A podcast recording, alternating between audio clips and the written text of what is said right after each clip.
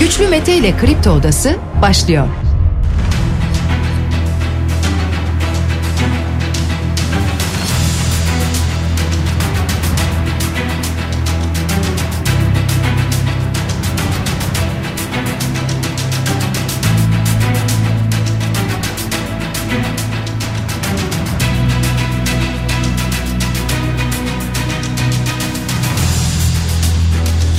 11 Ocak çarşamba sabahından Kafa Radyo'dan Kripto Odası'ndan tüm Türkiye'ye yurt dışında bizi dinleyen dinleyicilerimize günaydın. Hepinize sağlıklı ve güzel bir gün dileyerek her sabah olduğu gibi programımıza başlıyoruz. Bugün de Kripto Odası'nda sizlerle beraber olacağız. Bugün saat 9.45'e kadar beraberiz. 9.45'te Doğruluk Elçileri programı başlayacak ve Cansel Poyraz sizlerle birlikte olacak. Sevgili dinleyiciler Cansel Poyraz Akyol'la bugün Koray Karaca bir röportaj yapacak.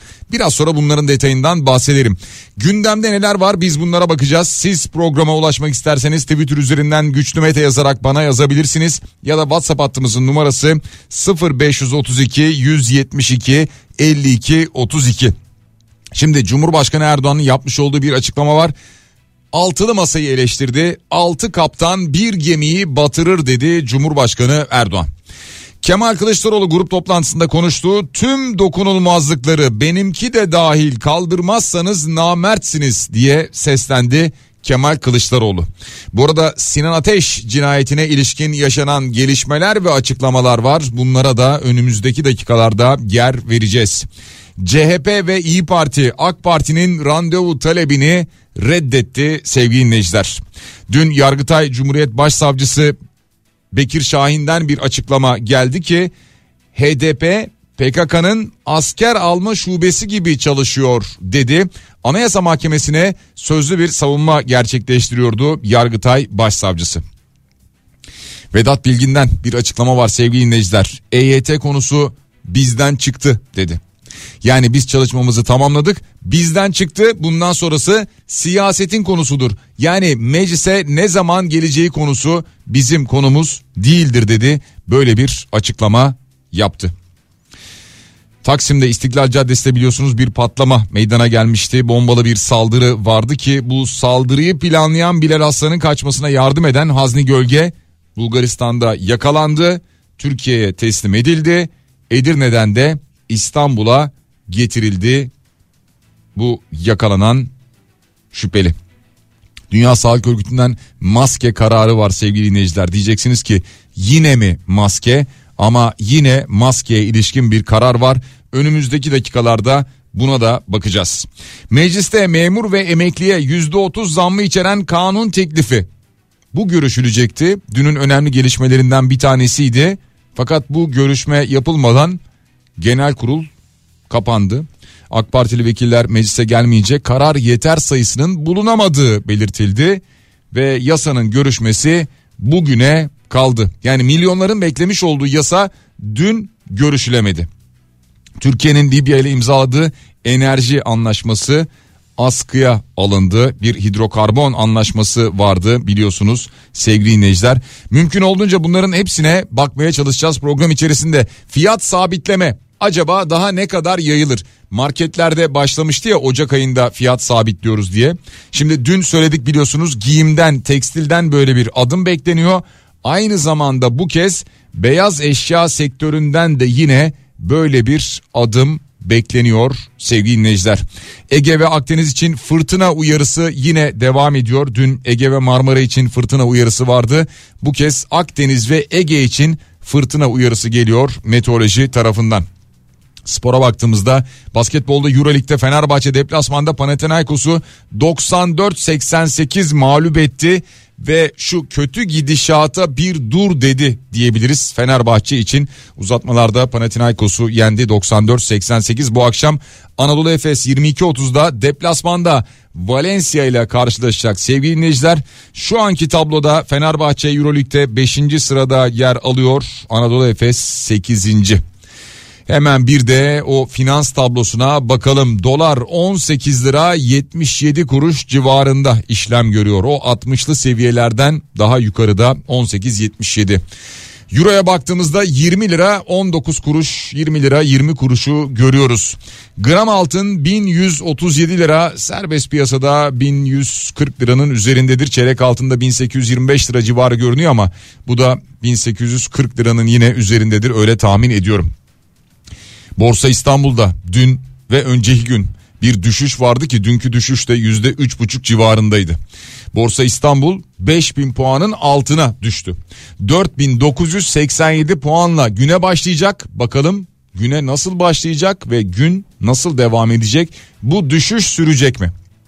Bitcoin'e bakıyoruz. Yine aynı seviyelerde 17.403 dolar karşılığını görüyoruz Bitcoin'de sevgili dinleyiciler. Başlıklar sadece bu kadar değil daha aktaracağımız birçok haber var ve mümkün olduğunca bunları hızlıca bir program içerisine sığdıracağız. Tüm haberlerden bilgimiz olacak. Cumhurbaşkanı Erdoğan dün altılı masaya yönelik eleştirilerde bulundu. E, 4-5 ay kaldı seçimlere dedi. Hala bir cumhurbaşkanı adayı çıkarılamadı diye konuştu. Oyu millet verecek, ülkeyi 6 kayyum yönetecek. 6 kaptan bir gemiyi batırır. Milletimiz sivil vesayetine karşı çıkacak dedi böyle bir açıklama yaptı. Neden böyle söylüyor? Neden sivil vesayeti diyor? Neden işte altı kaptan? Neden altı kayyum diyor? Çünkü Ahmet Davutoğlu'nun bir açıklaması olmuştu. Kim cumhurbaşkanı seçilirse seçilsin altılı masa içinden veya masanın aday gösterdiği bir başkası kim seçilirse seçilsin 6 siyasi parti genel başkanından da imza alacak diyordu. İşte buna ilişkin bir sivil vesayet mi olacak diye soruyor. AK Parti bir süredir bunun üzerine gidiyor. Altı kaptan bir gemiyi batırır. Altı kayyum denmesinin sebebi bu. Tabi buna cevaplar elbet gelecektir. E, gün içerisinde siyaseten cevaplar gelecektir. Zaten dün mecliste grup toplantıları da vardı aynı zamanda. CHP ve İyi Parti AK Parti'nin randevu talebini reddetti. Biliyorsunuz anayasa teklifini görüşmek için randevu talebinde bulunuyordu AK Parti. MHP kabul etmişti. CHP ve İyi Parti dün görüşeceğini söylemişti bu teklifi ve reddettiklerini söylediler. Böyle bir açıklama geldi. Gerekçe aslında milletvekillerinin dokunulmazlığı. İyi Parti Kocaeli Milletvekili Lütfü Türkkan ve CHP'nin Mersin Milletvekili Ali Mahir Başarır'ın dokunulmazlık dosyalarının gündeme alınması nedeniyle AK Parti'ye randevu verilmedi. Biliyorsunuz HDP de AK Parti'ye randevu vermedi. E şimdi e, dolayısıyla Mithat Sancar'dan da HDP eş genel başkanından da şöyle bir açıklama geldi. İktidarın seçime endeksli bir hesapla başörtüsü meselesini istismar etmesine izin vermeyiz. Vermedik bu yolu kapattık dedi. Bu yolun kapatılmasının sebebi şu. AK Parti ve MHP milletvekilleri bir araya geldiğinde referanduma gidecek oyu bile yani 360'ı bile bulamıyorlar. Altında kalıyorlar. O nedenle eğer diğer siyasi partiler bir gizli oylama olacak açık oylama değil onu söyleyelim. E, gizli oylama olacağı için kimin oyunun ne olacağı belli olmaz o manada söylüyorum. Yani e, muhalefet partileri içerisinden bu değişikliğe evet diyecekler olabileceği gibi ya iktidar partisi içinden de hayır diyecekler olabilir bilemiyoruz ama netice itibariyle bir araya geldiklerinde oy yetmiyor. O nedenle e, bu biraz rafa kalkacak gibi görünüyor. Bu yolu kapattık demesinin sebebi bu Mithat Sancar'ın. E, ama Mustafa Şentop'tan meclis başkanından şöyle bir açıklama var. Gerçekten bir çözüm isteniyorsa bu çözüm anayasa düzenlemesiyle düşünülmelidir. Herkes ilkesi olarak bu sorun çözülmelidir diyor. Bu açıdan bakıldığında komisyondan geçer diye düşünüyorum diyor. Şimdi komisyondan geçebilir de yani komisyondan geçebilir ama Türkiye Büyük Millet Meclisi'ne geldiğinde oradan geçebilir mi? İşte o mesele. Yani şu an için geçebilecek gibi görünmüyor çünkü. Oy sayısı yeterli çıkmıyor. Şimdi biraz önce bahsettik ya e, İyi Partili Lütfü Türkkan'dan, CHP'li Ali Mahir Başarır'dan onların dokunulmazlık dosyalarının e, ele alınacağı toplantı mecliste. Şimdi buna ilişkin Kemal Kılıçdaroğlu dün sert bir şekilde dedi ki ben dahil tüm dokunulmazlıkları kaldırmazsanız namertsiniz diye konuştu.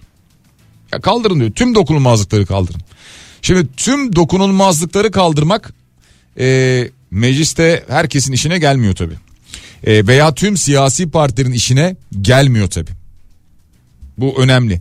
E, o nedenle de e, zaman zaman bu tip çıkışlar muhalefet partilerinden geliyor sevgili dinleyiciler. Bizi dokunulmazlıklarla tehdit edeceklerini sanıyorlar diyor. Korkmuyoruz korkmayacağız. İnandığımız yolda yürüyeceğiz. Kendisini saraya hapsedip memurları saraya toplayıp kendisini alkışlatanların bunları bilmesi lazım diye konuştu Kemal Kılıçdaroğlu. Bu arada hemen ben e, Devlet Bahçeli'nin açıklamasına geçeceğim ve dolayısıyla Sinan Ateş cinayetinden de bahsedeceğiz. Eski Ülke Ocakları Başkanı Sinan Ateş'in öldürülmesine ilişkin Devlet Bahçeli de ilk kez net bir mesaj verdi. Cinayetin gölgesi MHP'ye düşürülmek istendi. MHP ile bu cinayeti irtibatlandıranların peşlerini asla bırakmayacağız diye bir açıklama yaptı. Hatta e, şerefsizlerdir bunu yapanlar dedi. Şerefsiz kere şerefsizdir diye birkaç kez üst üste bunun vurgusunu yaptı Devlet Bahçeli bu açıklamasında Sinan Ateş cinayetine ilişkin. Kemal Kılıçdaroğlu bu konuda ne söylüyor? Diyor ki Sinan Ateş'in kızlarına mutlaka adaleti getireceğim diyor. Bu sözü CHP ülkücülerine verdim tutacağım diyor. Hatta şöyle bir açıklaması var. Bağır Bahçeli bağır. Daha çok bağırırsın. Bahçeli bilsin ki bu kan yerde kalmayacak diyor yapmış olduğu açıklamada. Şimdi tüm bunlarla beraber e, bu soruşturmada durum ne diye baktığımızda biliyorsunuz 13 kişi tutuklanmıştı. 13 kişi tutuklandı. E, 3 kişi aranıyordu ki onlardan bir tanesi Eray Özyağcı. İddia o ki Sinan Ateş'e 30 Aralık günü ateş eden 5 kurşun sıkan suikastçı. Eray Özyağcı şu an daha henüz bulunmadı. Ee, yani kim olduğu, kimliği, tipi vesairesi falan her şey biliniyor. Ee, genel itibariyle aslında Türkiye'de bu tip olayların ardından e, bu işleri yapanlar da birkaç gün içerisinde bulunurdu. Ee, bu kez yani yurt dışına mı kaçırıldı başka bir şey mi oldu veya işte emniyet e, belki detay vermek istemiyor şu anda tabii bazı bilgilere ulaştı ama 13 kişi şu anda cezaevinde. İçişleri Bakanı Süleyman Soylu diyor ki olayın failleriyle ilgili herhangi bir bilinmezlik söz konusu değil. Yani failleri biliyoruz diyor. Şimdi failler biliniyor evet doğru. Zaten 13'ü yakalandı. E, fakat e, bu cinayetin bu suikastin e, sadece böyle bir kişinin işte planladığı planlamadığı ortaya çıktı. E, sadece bir ya da iki kişinin bu işin içerisinde olmadığı 16 kişinin aşağı yukarı bu işin içinde olduğu ve bunlarla bağlantılı başka isimlerin de olduğu ortaya çıktı. Çok net bir şekilde öyle değil mi? Ya içlerinden özel harekattan polis falan da çıktı biliyorsunuz. E, hatta Ankara'ya işte suikastçıyı götüren falan. Şimdi tüm bunların detaylı bir şekilde aydınlatılması lazım ki ki insanların kafasında soru işareti var çok fazla. Birileri korunuyor mu? Kollanıyor mu? E, bu cinayet kimler tarafından işlendi?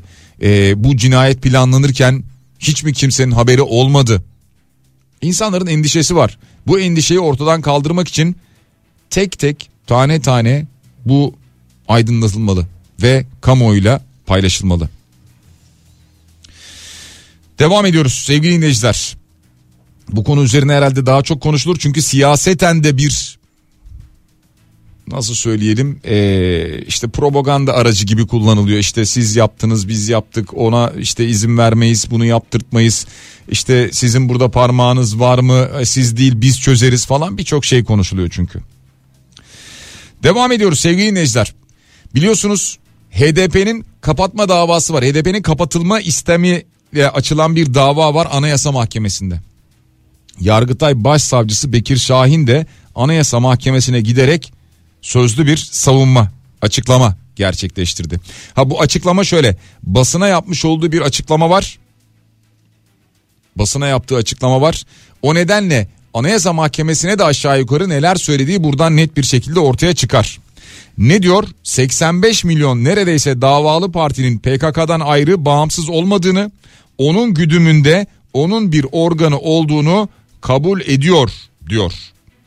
Davalı parti yöneticilerinin PKK'yı terör örgütü olarak görmediğini, silahlı halk hareketi olarak tanıdıklarını ifade ettiklerini biliyoruz. Konu bu şekliyle televizyonlara da yansıdı kayıtları da var diyor Bekir Şahin. Ve çok e, yani başlığa alınabilecek olan bir benzetme yaptı. Davalı parti terör örgütünün sözde askere alma dairesi gibi faaliyet göstermektedir diyor.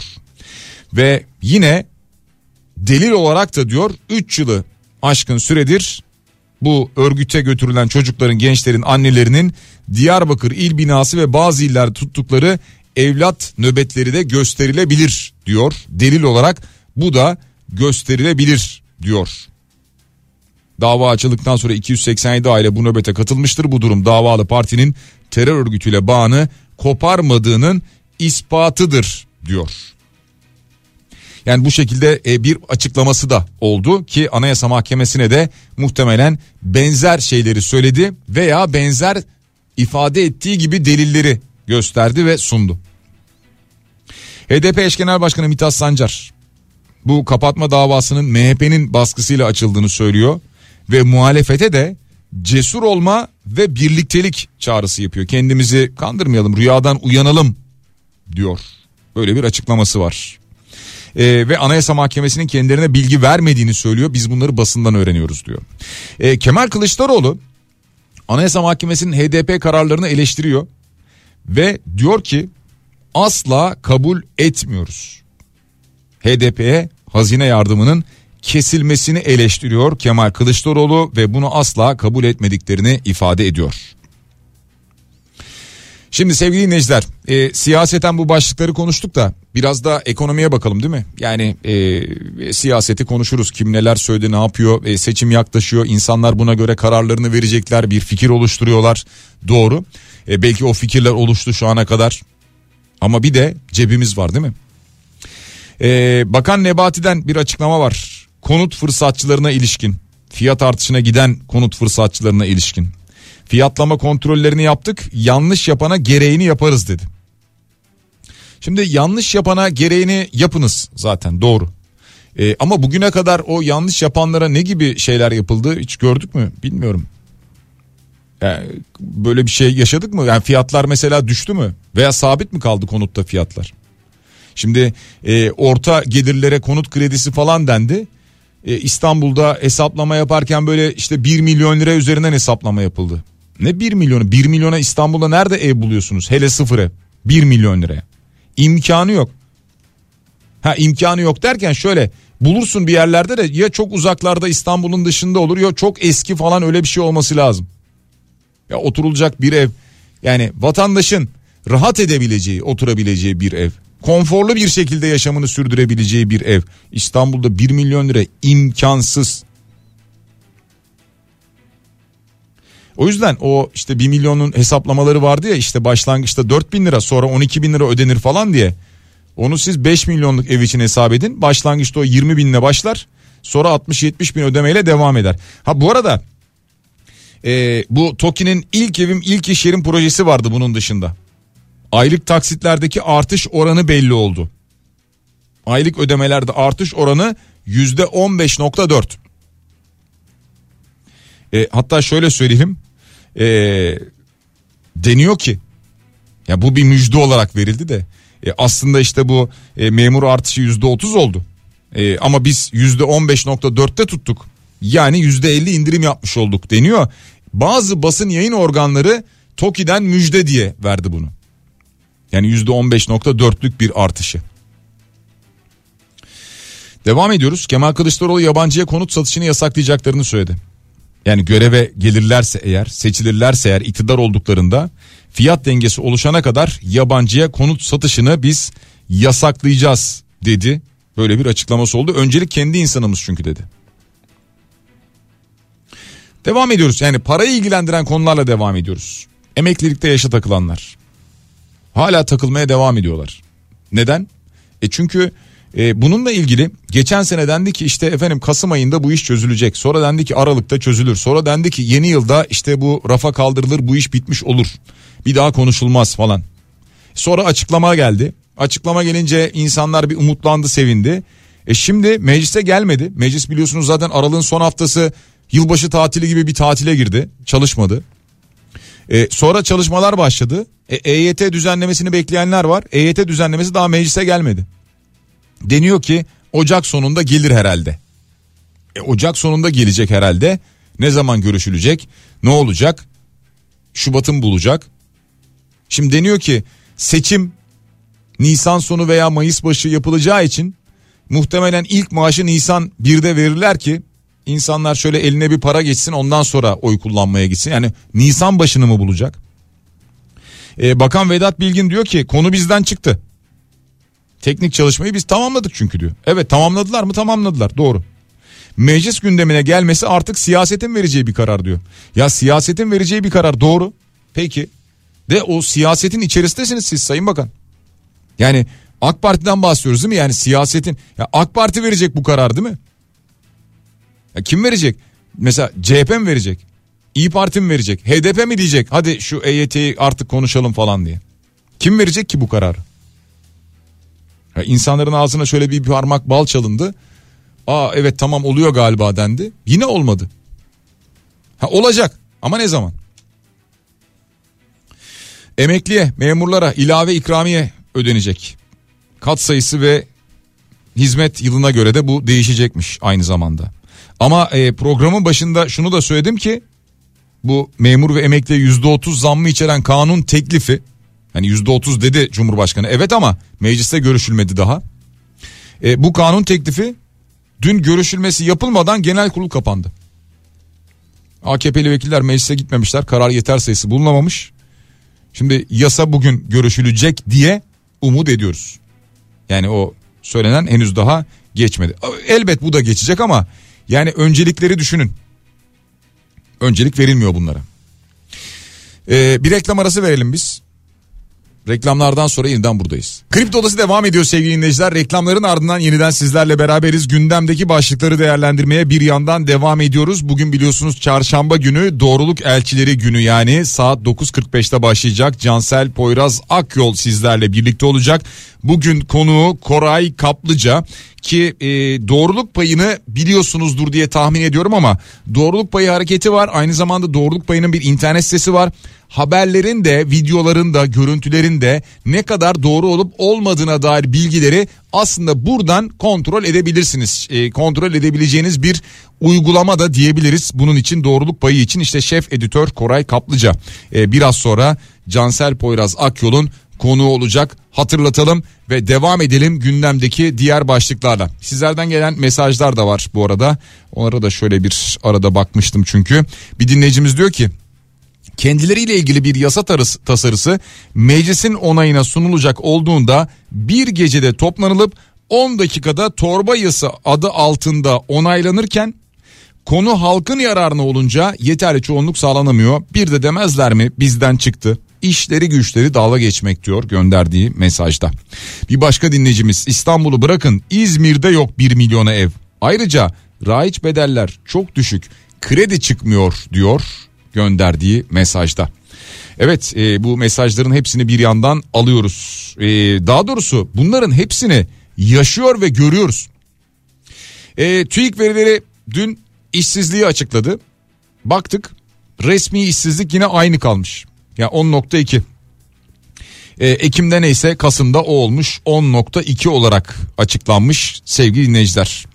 Ee, geniş tanımlı işsizlik bir önceki aya göre 0.5 puan artışla %20.8 olmuş. İşsizlik oranı erkeklerde %8.8 iken kadınlarda %12.9 olmuş. Bu arada iş bulma ümidi de azalıyor deniyor ki geniş tanımlı işsiz sayısı 8 milyona dayanmış geniş tanımlı ve dar tanımlı işsizlik arasındaki makas bir yandan artıyor ve iş bulma ümidini kaybedenlerin sayısının arttığı ortaya çıkıyor. Neden? Çünkü iş bulma ümidi yok. Dolayısıyla ben işsizim falan da demiyor artık iş aramıyor. E, o nedenle zaten geniş tanımlı işsizlik oranı sayısı veya öyle söyleyelim daha fazla olarak çıkıyor karşımıza. E, bu arada dün TÜİK'te 4 daire başkanının görevden alındığını söylemiştik. Böyle haberler vardı. Biz de bahsetmiştik. TÜİK'ten sonra bir açıklama geldi. Denildi ki bu bir görevden alma değil. Bu iddia doğru değil. İhtiyaç doğrultusunda kurumda rotasyon gerçekleştirdik diyor TÜİK. Yani o daire başkanları görevden alınmadı. Rotasyon olduğu için o görevlerden başa görevlere gönderildiler deniyor. TÜİK'in açıklaması böyle. Sağlık Bakanı Fahrettin Koca'dan açıklamalar var sevgili dinleyiciler. Sahte kanser ilacı açıklaması var. Diyor ki 2019'da buna ilişkin soruşturma tamamlandı diyor. Ve ilacın sahte olduğu belirlenir belirlenmez savcılığa suç duyurusunda bulunuldu zaten diyor. Böyle bir açıklaması olmuştu. Sağlık Bakanı Fahrettin Koca'nın. Yani e, maalesef şimdi bir de yani birçok ürünün sahtesini görüyoruz da e, ilaçta sahte çok daha beter bir şey değil mi?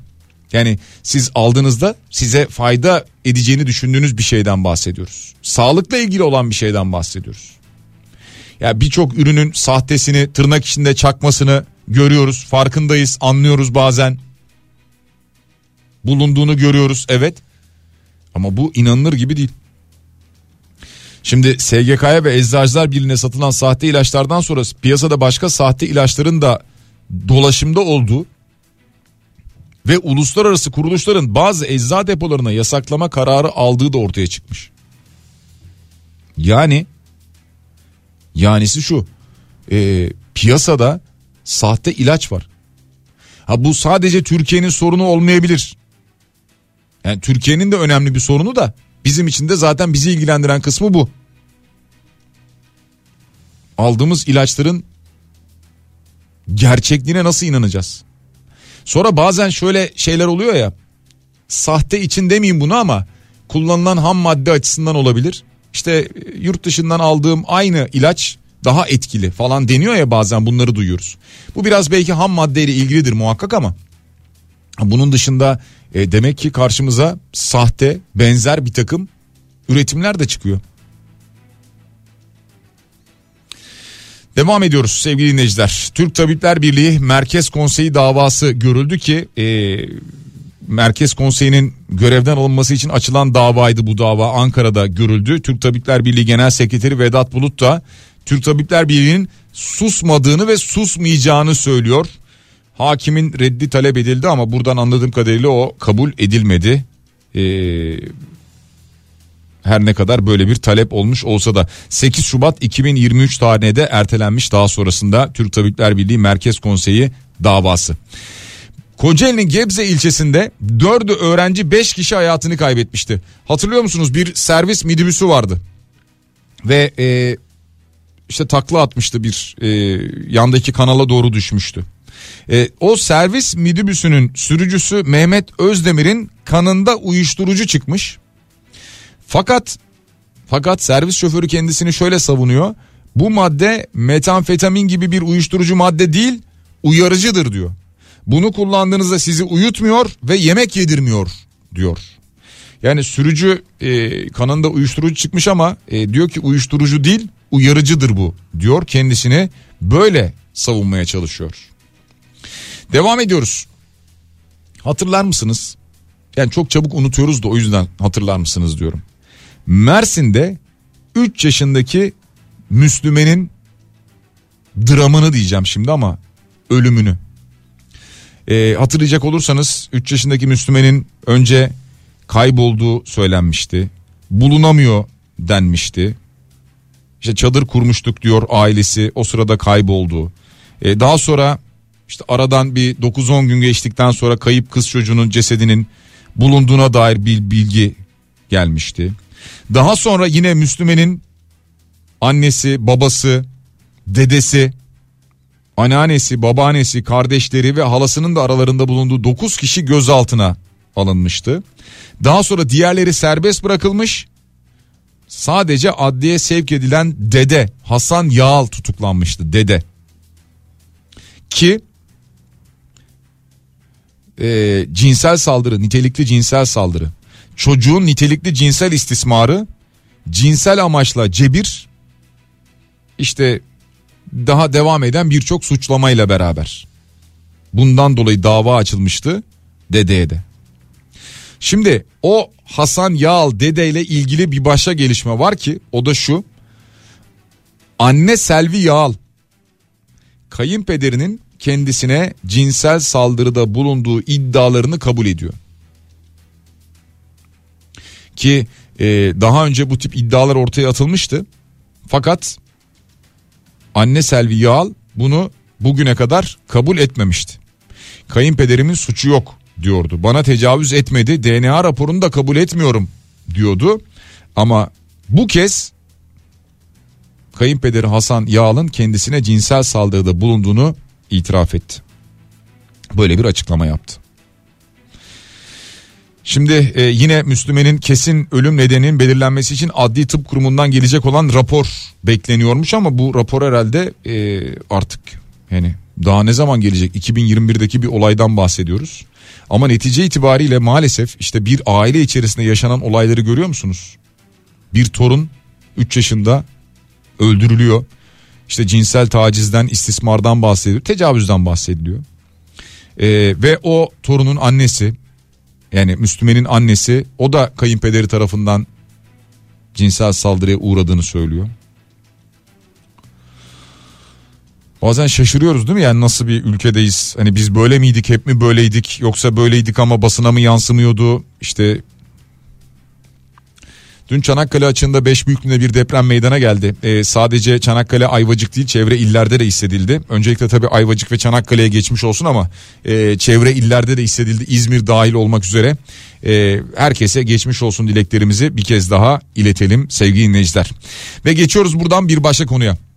Şimdi pasaportta harç farkı bir kriz doğurdu. Ee, biliyorsunuz yeni yıl sonrası yani geçtiğimiz yıl için konuşuluyor diyor bu pasaport harçlarına zam gelecekti zaten bu konuşuluyordu. Ee, nüfus il müdürlüklerinde yoğunluklar vardı. Yoğunluk nedeniyle 2023'e randevu almak zorunda kalan vatandaşlar oldu. Onlar pasaport defter ve harçlarına e, ödemelerini yapmışlardı harç ödemelerini yapmışlardı ama şimdi onlardan yüzde 123'lük zammın farkını yatırmaları istendi. İşte kriz doğuran konuysa bu. Vatandaş diyor ki ben 2022'de gittim başvurumu yaptım. E, fakat bana 2023'e gün verildi. Başvuru için 2023'e gün verildi. Ama o arada ben işte defter paramı ne bileyim harç parasını falan ödedim.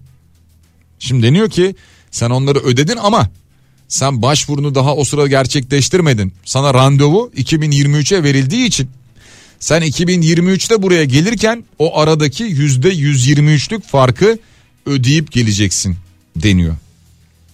Ya iddia tüketici konfederasyonundan bir açıklama var. Ee, bu harç farkı istenen kişilerin itiraz etme hakkı var denilmiş de. Hakkı var da vatandaş onu nasıl talepte bulunacak? Ee, nereye başvuracak? İşte Maliye ve Hazine Bakanlığı yazılı başvuru gerekecekmiş vesaire falan. İnsanlar bunu nasıl yapacaklar?